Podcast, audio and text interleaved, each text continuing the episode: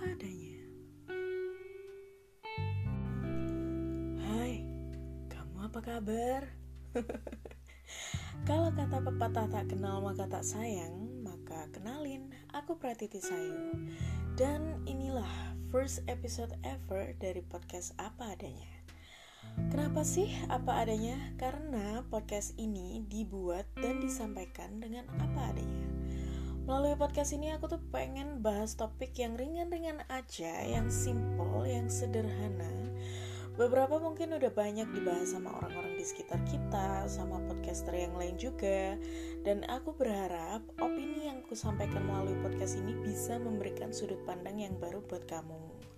Dan untuk mengawali podcast kali ini, aku pengen banget bahas soal komunikasi.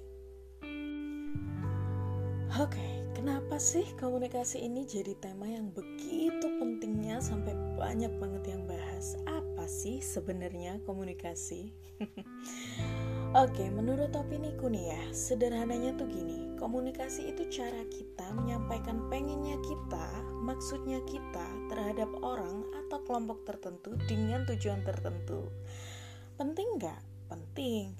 Pada beberapa situasi komunikasi itu digunakan untuk menyatukan pola pikir, untuk menyamakan sudut pandang, visi misi, untuk berdiskusi dan menyelesaikan suatu masalah.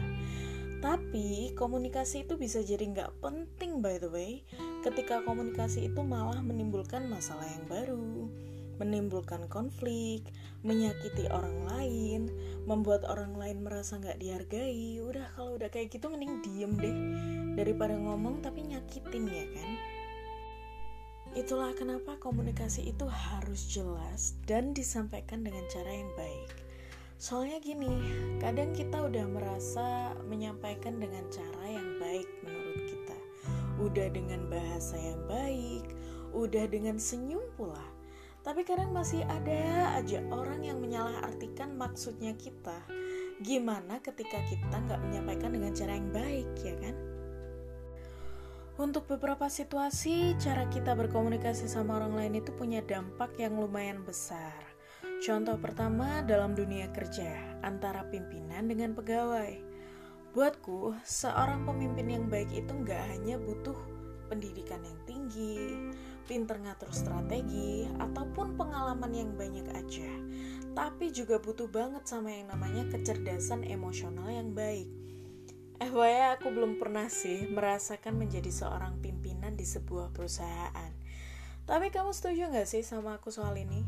Di sini aku mencoba untuk sharing opiniku berdasarkan pengalaman pribadi ya.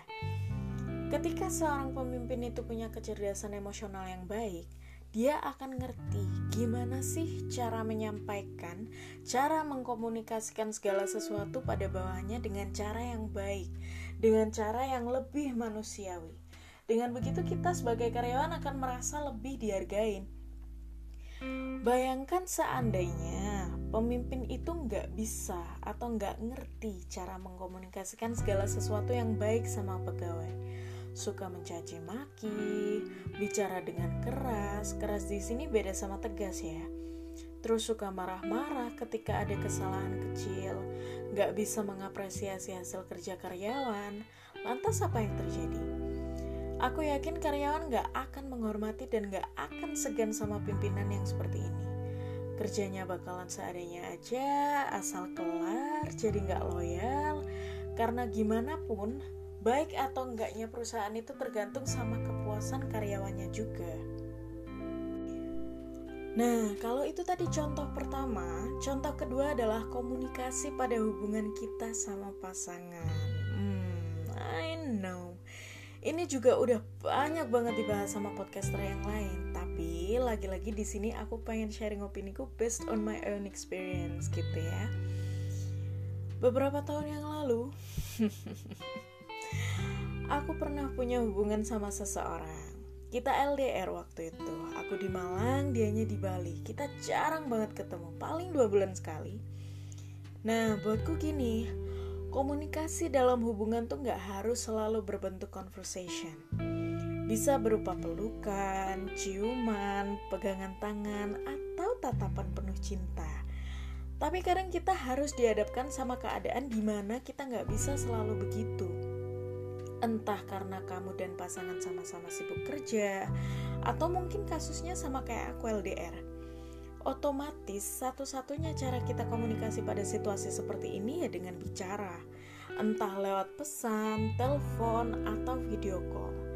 Kalau kamu sama pasanganmu bisa melalui situasi yang seperti ini dengan adem ayem, kalian hebat banget sih. Sayangnya, aku dulu nggak begitu. Saat itu aku kurang bisa mengerti bahwa dia bukan orang yang suka banyak bicara dan punya emosi yang tinggi. Sebaliknya, dia juga kurang bisa mengerti kalau aku orangnya pemikir dan gampang khawatir.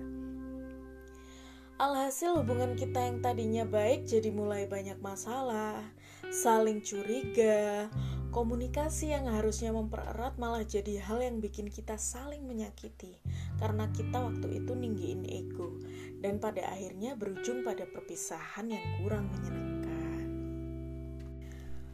Aku harap kamu dan pasanganmu nggak seperti ini ya. Komunikasikan segala sesuatunya dengan baik. Sampaikan apa yang kalian suka dan tidak suka. Relakan hati untuk menerima kritik dan saran dari pasangan. Utamakan kejujuran dan yang paling penting turunin egonya. Karena aku yakin komunikasi yang baik gak akan bisa terjalin kalau ego kamu dan pasanganmu sama-sama tinggi.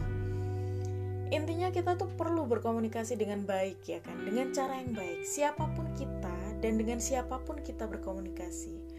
Karena cara kita bicara dan memperlakukan orang lain itu sedikit banyak merepresentasikan diri kita dan mempengaruhi penilaian orang lain terhadap kita. Well, itulah tadi beberapa opiniku terkait komunikasi. Kuharap opiniku sedikit banyak bisa memberikan sudut pandang yang baru buat kamu. Makasih banyak buat kamu yang udah dengerin podcast apa adanya. Aku Pratiti Sayu, I'll see you on the next episode. Bye.